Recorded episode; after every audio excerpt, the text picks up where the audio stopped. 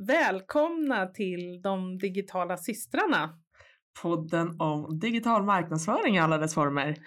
Men precis, och vi som håller i den är Katarina Jönsson och Ebba Fogdal. Så varför har vi startat den här podden? Jo, men det är ju så här att den här digitala marknadsföringsvärlden, den är ju oändlig och det finns ofantligt många perspektiv. Ehm, så vi känner att vi behöver ständigt lära oss nya saker och vi vill lära oss nya saker. Och därför har vi startat podden så att vi kan få lära oss av varandra och även lära dig som vill veta mer om digital marknadsföring. Exakt. Och digital marknadsföring är ju mer än reklam i digitala kanaler som många kanske tänker på när de hör marknadsföring. Precis, precis. Utan det är ju liksom allting. Det är ju allt innehåll, video, bilder, all text men också hemsida, appar och sociala medier. Men sen självklart också den betalda delen och kampanjstrategier för att välja kanaler och budgetar och Ja, klick, klick, klick. verkligen. Ja. Eh, och sen är det ju en stor teknisk bit också. Det är ju mycket som ska programmeras, man programmerar kampanjer, man sätter upp konverteringsflöden på webbsidor och i webbshoppar och man automatiserar e-postmarknadsföringen. Så det är ju också den tekniken och sen är det all analys av allting också. Ja, det är många saker. det är att mycket kunna- att tänka ja, på. Precis. Verkligen. Men det är ju den här djungeln som vi vill hjälpa fler att hitta rätt för att vi vet själva hur överväldigande det kan vara och framförallt när allt Precis. fortsätter ändras hela hela tiden. Så är det ju alla Men gånger. kan inte du berätta lite, vem är du Katarina? Jo men jag, digital marknadsförare såklart. Ja. Eh, men jag har jobbat med det snart 20 år. Eh, och just nu så driver jag min egen digitala byrå som heter Digital Do. Okej. Eh, och eh, det är ju så du och jag kommit att börja jobba tillsammans. Precis. Men den här Digital Do, vad gör ni? Kan du inte berätta lite mer? Jo, det är en byrå som sagt som jobbar med digital marknadsföring men vi är ett gäng frilansare som jobbar tillsammans. Eh, när man jobbar med digital marknadsföring så är man en del av den här gig-ekonomin. Alltså många är frilans, man har inget kontor man behöver gå till, man kan ha jobbet på fickan och resa och Ja.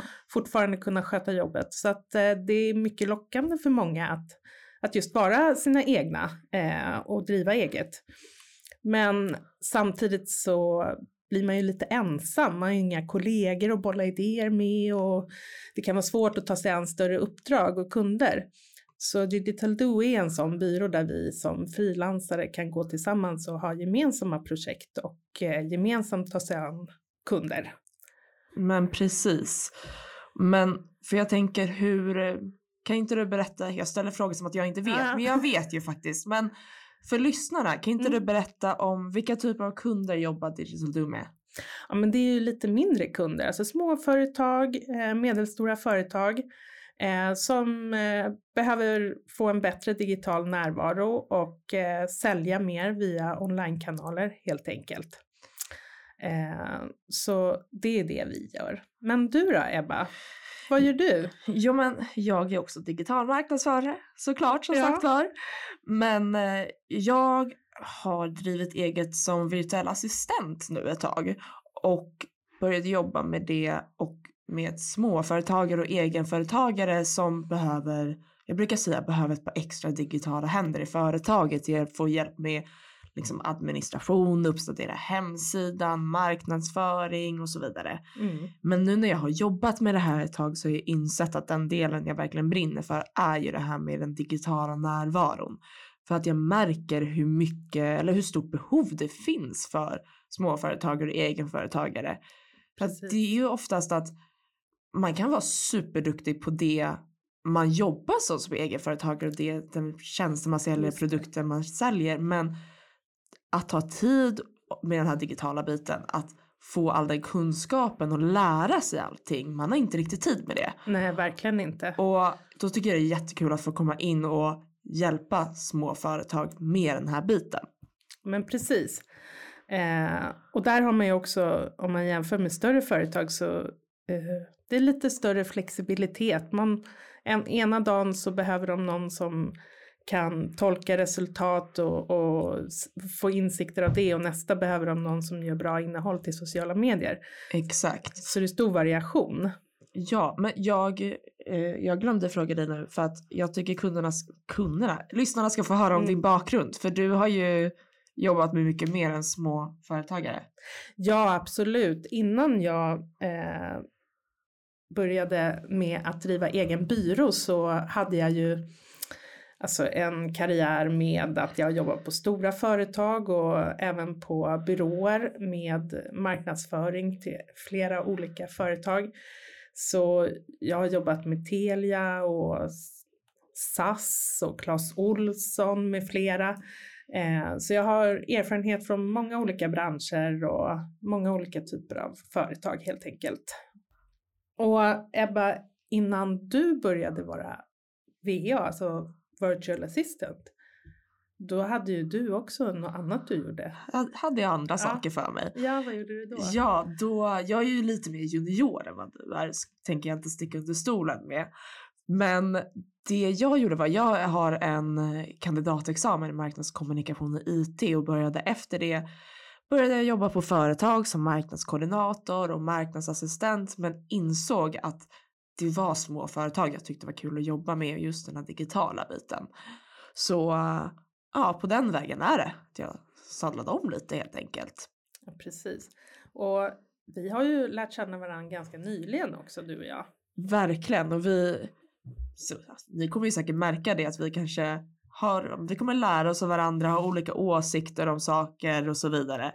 Och det tycker jag känns väldigt kul. För vi är väldigt olika spetskompetenser, eller spetskompetenser, men olika kompetenser. Absolut, och sen tror jag också att det kommer vara, eh, det kommer bli kul att få lära känna dig Ebba och eh, lära sig mer om hur du resonerar och eh, vad du har för eh, syn på olika saker och hur du tycker att man ska läsa vissa saker. Det ska bli jättekul. Ja, detsamma, det tycker jag med.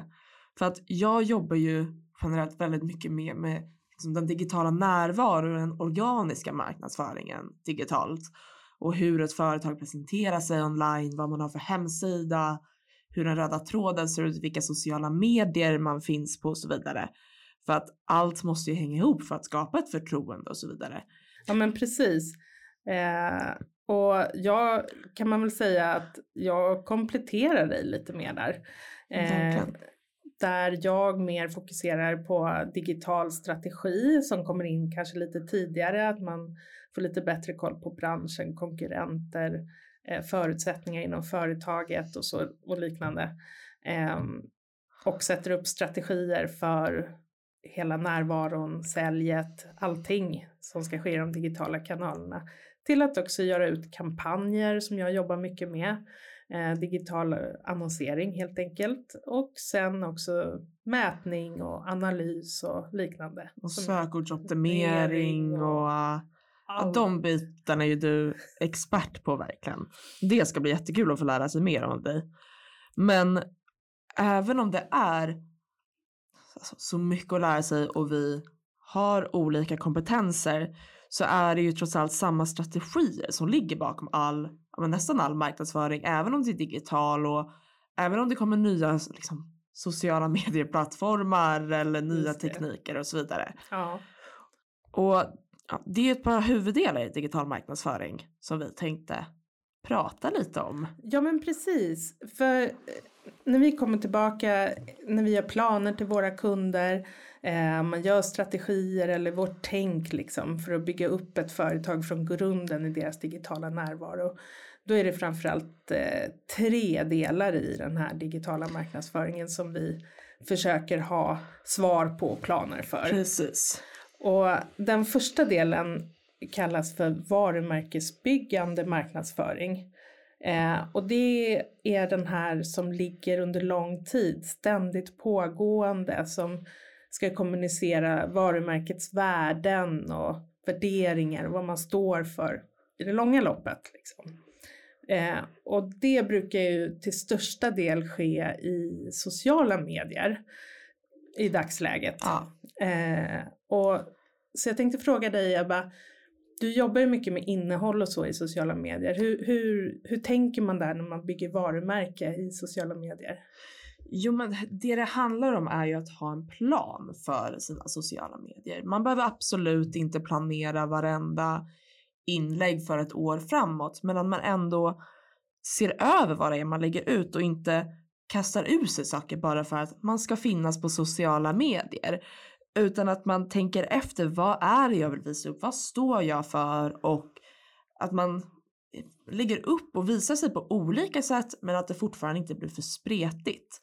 Och framförallt som om man är ett litet företag eller egenföretagare så är det viktigt, det känns oftast det är personligt, att man visar vad man är som person. Medan om man är ett större företag så kanske inte där, det är där vikten ska ligga. Men som sagt, bygga förtroende, skapa gemenskap med sina följare och kunder. Skulle man kunna säga att planen inte så mycket är exakt vilken bild, video eller ord man lägger där utan mer på, mm, vad ska man säga, så syfte och budskap? Ja, absolut. Ja men nej vill jag säga. Ja. För att absolut att det handlar om syfte och budskap men samtidigt så det är sociala medier, det är väldigt visuellt, det måste se snyggt ut. Och bara att du har en sociala medieprofil och en feed som ser snygg ut kommer göra jättemycket för dina följare och dina kunder och göra att folk vill vara där och engagera sig. Ja men just det, det ska andas proffsigt. Ja men exakt och det måste ju stämma överens med resten av företaget och hemsida eller produkter och så vidare så att man får samma feeling oavsett vart du ser företaget. Men eh, så här, jag kan tänka mig att det känns överväldigande när man är ett litet företag ett skum, och vara på alla kanaler eh, och finnas där liksom eh, med sitt varumärke överallt. Absolut och det är ju verkligen någonting som jag tror att många jobbar med att man ser alla de här olika sociala medier och bara hopp då måste jag finnas överallt. Mm. Men ska man finnas överallt kommer man inte ha tid för sitt eget företag. Och därför är det jätteviktigt att tänka på varför ska jag finnas på den här plattformen som man väljer och det jag brukar säga att det är bättre att välja ett, en plattform som du faktiskt fokuserar helhjärtat på istället för att vara lite spretig på alla. Och den plattformen kan ju skilja sig väldigt mycket. Om du kanske är business to business då är LinkedIn mycket bättre för dig men om du är säljer i ett litet företag säljer produkter kanske TikTok är bättre för dig. Det beror helt och hållet på vad det är för företag och vad det är för målgrupp och har du olika målgrupper kanske det behöver finnas på olika plattformar och ha olika, lite olika budskap där eller olika typer av inlägg. Men det ska samtidigt se en helhet ut. Ja men precis. Så det är mycket att tänka på. Ja men precis. Men i slutändan så räcker det ju inte, absolut, varumärkesbygget är jätte, jätteviktigt, men du måste ju också sälja. Ja. Och det tar oss in på den andra delen. Ja men precis. För den andra delen är det vi brukar kalla då för taktisk marknadsföring och det är ju egentligen säljande marknadsföring. Och det finns lite olika delar eh, som man bör syssla med då och ta i beaktning när man ska sälja på nätet och finnas med sin marknadsföring på olika ställen. Eh, och till exempel så är prisjämförelser jätteviktigt. Inom nästan varje bransch eller område så finns det någon typ av prisjämförelsesajt eller ett ställe där man kan gå och jämföra olika företag med varandra. Och eh, då är oftast pris eh, väldigt viktigt och prissättning. Mm. Så till exempel om du säljer produkter så har du ju Price Runner och du har Prisjakt och sådana sajter. Ja. Men sen har du ju också, ja men är du hantverkare så lägger man upp eh, på DoRunner eh, som är så här offertsökverktyg. Eh, ehm, och där konkurrerar man ju också om prissättning och vi som jobbar med det vi gör, vi har sajter som eh, Fiverr och Upwork och där lägger man också upp sin profil och då kan folk jämföra och titta på priser. Så att ha ett tänk bakom pris och prisjämförelse och ha en plan för det, hur man säljer via prisjämförelse är jätteviktigt. Sen så har man ju också då det här att man säljer via annonser. Du har produktannonser som ligger ute på Google till exempel och Facebook och de ska ju ta kunden från annonsen hela vägen in i webbshoppen och betala och köpa där också. Så om man jämför med förr i tiden, då gjorde man annonser kanske i en tidning eh, och så drev man folk till butik och i butiken så tog säljarna över i butiken och sålde varorna.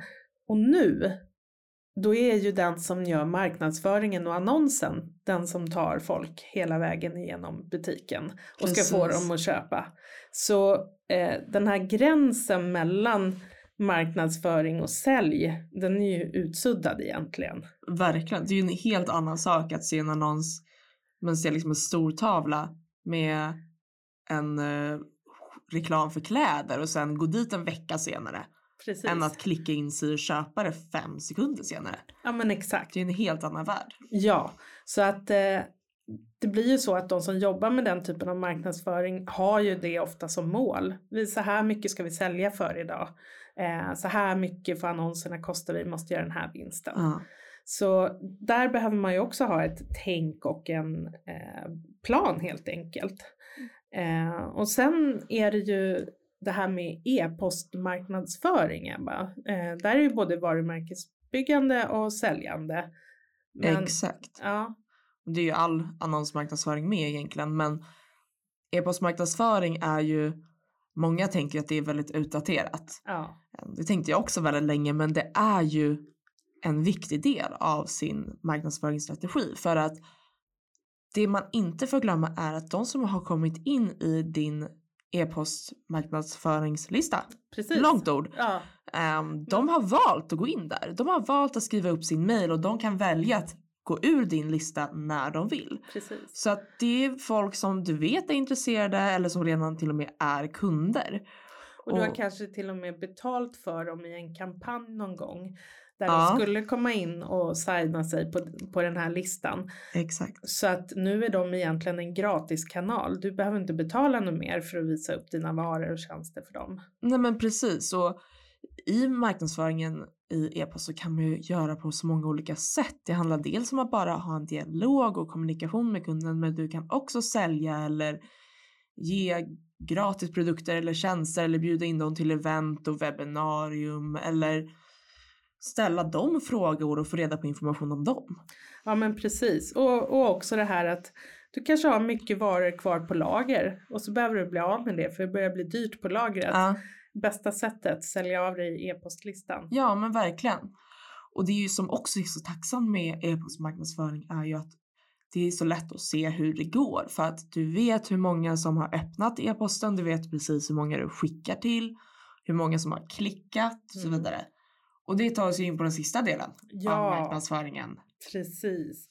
Och det är ju det här att eh, du får hela tiden data. Det är digital marknadsföring så du samlar per automatik data som samlas in som du kan analysera, ta fram statistik ifrån och, och se mm, vad du gör för resultat men också det här att vi får små indikationer hela tiden på om det går bra eller dåligt.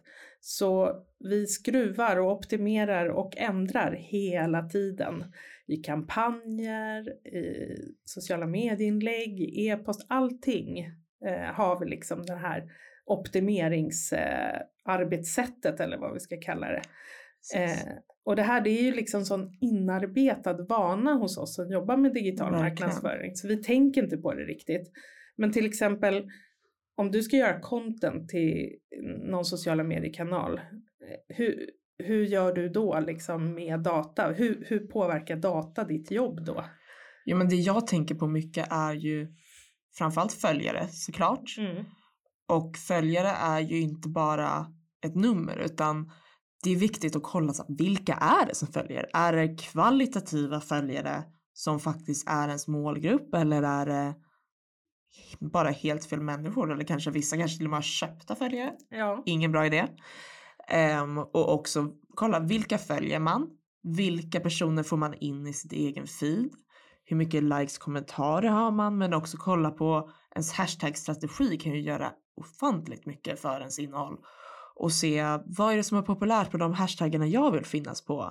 Mina konkurrenter och de som eh, mina förebilder på sociala medier inom det jag gör, vilka följare har de? Vad gör de rätt? Och så vidare. För att man kan ju lära sig väldigt mycket av sina konkurrenter. Ja men precis och, och tror eller ej så kan ju det här bli också ett kreativt, alltså föda mycket kreativitet. Verkligen. Många tror kanske att att om jag får all den här statistiken och det här till mig då kommer min fantasi att dö. Eh, då kommer inte jag på något roligt längre men jag skulle säga visst, det är väl typ tvärtom, är det ja, inte så? Ja, verkligen. Och ju mer, alltså man ska aldrig stirra sig blind på följare och framförallt inte antalet utan också som sagt kvaliteten för att det gör ju väldigt mycket när man märker att ens innehåll är uppskattat så får man ju väldigt mycket mer pepp och väldigt mycket mer ja, energi och kreativitet. Ja, och man kan ju ha lite det där också, jaga drömföljaren. Verkligen. Eh, finns det någon bättre bekräftelse när ens idol eller konkurrent vill gå in och följa liksom? Ja men verkligen. Ja. Det finns ju så otroligt mycket om att äta. Jag kollar ju som sagt mycket på sociala medier men du är ju dels expert på sociala medier på den eh, betalda sidan. Ja. Och även hemsidor och sökordsmarknadsföring och optimering är du toppenbra på. Ja, och där när man mäter så eh, har man ju också möjlighet att se, alltså att man kan mäta hur folk rör sig. Från att de har fått uppmärksammat dina annonser till att de är i webbshoppen och så ja. kan du till och med titta på Eh, räkna ut att du får någon slags eh, vi brukar kalla det nyckeltal eller KPIer mm. som man ser att ja, det ska vara minst 0,3 procent som klickar sig från det här, från annonsen in på sajten. Är du uppe på 0,7 då är det jättebra och skulle du ha en eh, ännu högre. Ja men ja. allt det här är ju eh, olika tal som vi räknar fram och som hjälper oss att hålla koll på eh, ifall kampanjer går bra eller ifall vi behöver ändra någonting. Exakt. Så eh, den datan kan vi alltid ta med oss och sen är det också jätteviktigt för oss att göra, att veta att vi mäter rätt saker eh, så att vi får eh, reda på till exempel hur många som har sett annonsen kanske inte betyder någonting eh, om vi inte sen ser att det säljer. Nej. Eh, så man måste ju hitta de där uh, nyckeltalen som visar på att eh, ja, men en person som kanske har sett väldigt mycket av en eh, video i en annons eller kanske följer dig kanske inte heller är rätt personer ibland. Nej. För de köper aldrig. Nej men exakt. så då kanske man behöver tänka till lite och se så här, jaha hur ska vi stuva om innehållet och hur riktar vi oss liksom för att vi ska få dit rätt personer. Så Precis. det där är ju hela tiden en, en, eh, någonting som man får liksom testa ut för varje kund beroende ja. på vad de behöver sälja, vad de har för affärsmodell och eh, hur deras säljcykler ser ut. Ja exakt ja. och för många företag så ändras ju det också hela tiden med att de växer. Precis. Och det, det är en sak som jag tycker är så kul med att jobba med små företag att ju mer man jobbar med dem och ju mer de växer ju mer kan man göra. Precis. Eh, och det är där lite vi eh, finns här. Nu har vi pratat lite om hur vi ser på digital marknadsföring och vad liksom grunden är i det vi jobbar med. Exakt, och det känns som att varje mening vi har sagt här i kan vi göra ett avsnitt om. Eller hur? Eh, så att vi tänker att alla de här sakerna vi har pratat om nu kommer vi utveckla i andra avsnitt. Ja men precis. Och vi är också jättenyfikna på att höra vad du som lyssnar vill veta helt enkelt. Så hur skulle man kunna komma i kontakt med oss Ebba? Ja men vi har ju såklart ja. startat en Instagram. Ja. Så ni kan hitta oss där på digitala systrarna mm. och där kan ni skicka ett DM. Vi kommer också länka till våra Instagram-sidor där ni kan hitta vår kontaktinformation. Ja. Men vill man också hitta, komma i kontakt med till exempel dig direkt Katarina. Vad gör man då? Ja, men man kan mejla på hej at digitaldo.se Do är två O. Eh, och eh, ta kontakt. Och vi brukar också ha lite gratis rådgivning och då finns det fria tider som man kan boka på sajten också, digitaldoo.se. Och dig då Ebba, hur kommer man i kontakt med dig då? Ja, mig kommer man i kontakt med på samma sätt nästan. Ja, Hej at eb... Nej, nu ljuger jag. Hej at Fogdal Digital, F-O-G-D-A-L digital.se kan ni mejla mig där. ja men perfekt. Och självklart Instagram. Det Instagram. går jättebra. Ja. Så, skulle vi säga att vi är färdiga för den här gången Ebba? Ja, men det känns så va? Ja. Gud, jag ser fram emot nästa gång. Ja. Vi klarade det här. Vi klarar det här Ja. Ja. Så får vi se vad vi pratar om nästa gång. Exakt. Vi kör ju ut det på Instan när vi vet vad det blir, handlar om. Precis, så ni får jättegärna följa oss där så delar vi med oss när det kommer nya inlägg och kanske andra saker vi pratar om här helt enkelt. Tänker vi. Precis, det gör vi. Tusen tack för att ni har lyssnat. Och kul att du var här Ebba. Ja, men detsamma Katarina. Ha det gott. Detsamma. Hej. Hej.